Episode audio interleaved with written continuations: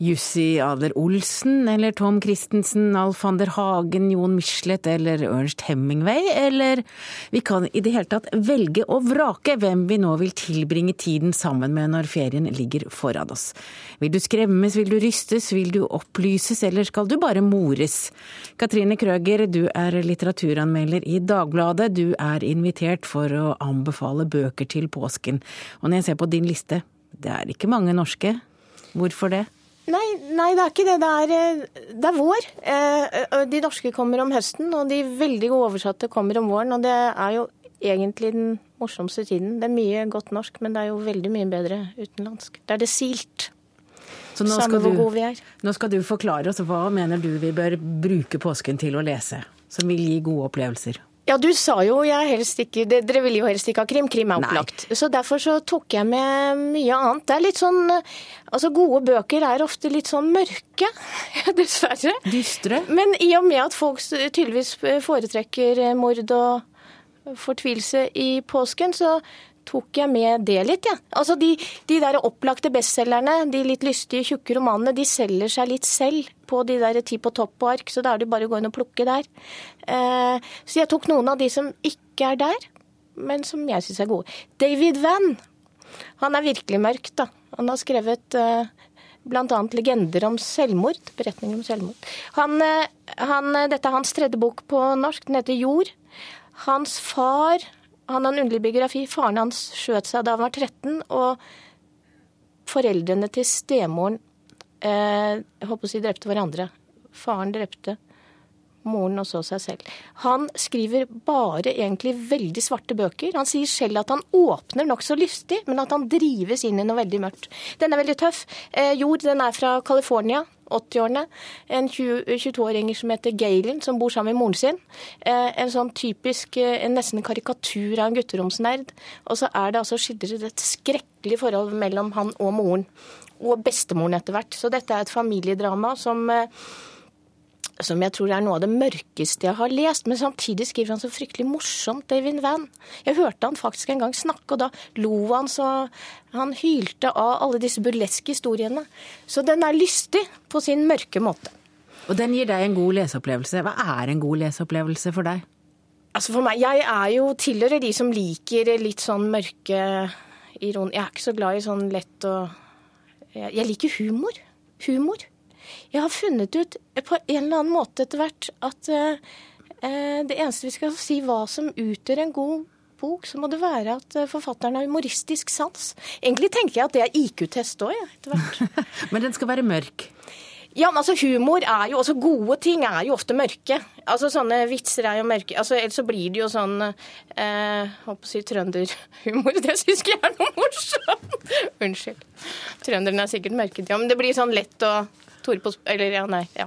Gudene vet. Nå kommer jeg med alle fordommene mine. Neste bok. Christian Kracht, 'Imperium'. Det er en veldig morsom bok. Den er nokså tynn. Den er bygget på en historisk skikkelse. En som heter August.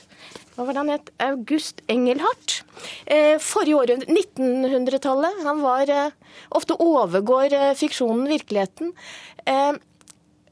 1900-tallet, da var det jo har jeg funnet ut, eller mange vet jo, det var en sånn underlig tid hvor liksom nudisme, naken og fri seksualitet og sånn, som man ikke forbinder med viktoriatiden. En reaksjon på det. Og August Engelhardt han var eh, en av disse eventyrerne som fant ut at han eh, var nudist og utopist, så han kjøpte en palmeøy i eh, Stillehavet, Indonesia, Melanesia. Eh, og dro dit og fant ut at det eh, ideelle mennesket kunne leve av kokosnøtten alene. Så han levde i 14 år og bare spiste kokosnøtter. Og dette er helt sant. Og han døde visstnok av underernæring. Ja. Eh, men eh, Christian Kracht, en veldig, en spesiell, en eh, sveitsisk forfatter, han har skrevet en romanbiografi rundt den. Og den er for så vidt nesten mer karikert enn virkeligheten, men den er veldig morsom. Den er også morsom. Eh, men den har vært eh, veldig mye debatt om i Tyskland, fordi han, en anmelder mente at eh, han fant både rasistisk tankegods og Altså han leste den veldig uten den der omdreiningshumoren som Kracht har, da. Så det er kanskje noen som reagerer på noe av lesningen, men det skal man jo også kanskje gjøre om bøker. Og så har jeg en annen, og det er for de som bokstavelig talt fikk tenning på Fifty Shades. Jeg tenkte jeg måtte spre det, var jo det litt. Noen. Det var noen. Og nå har det jo kommet, altså jeg tror samtlige forlag har sånne Fifty Shades-aktige kopier. Og jeg har lest meg gjennom faktisk mange av de i forbindelse med en sak jeg lagde. Og så prøvde jeg å finne liksom, den av de som var best, og det er Kagge. Syns jeg, da, som har kommet med den beste, som er bedre enn Fifty Shades. Uh, Vina Jackson, 80 Days-trilogien. Det er om en uh, ung filistinninne som liker å spille naken. Hun spiller fiolinen sin naken, og så er det en litt sånn dyster universitetsprofessor som liksom tenner på dette. Den er, også, den har, den er, den er veldig skarp i begynnelsen, ikke det derre litt sånn eh, veldig sånn underholdningsaktig lette til Fifty Shades, at det er god litteratur. Men når de kommer over i det der SM-greiene, så er jo det mye råere, på en måte. Det er jo en underlig verden, det må jeg jo si.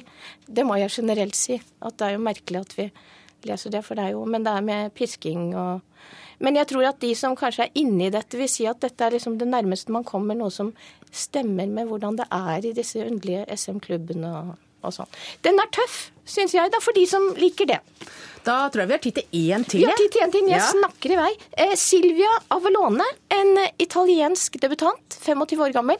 Eh, det er så tøft. Mange av disse unge menneskene har kommet seg ut av den derre jeg-puppen, eller det der bare jeg-skrivingen, som Norge var martret av via Knausgård, men også Europa. Hun har skrevet eh, sosialrealisme, en sånn klassekampaktig sak fra Toskana i Italia.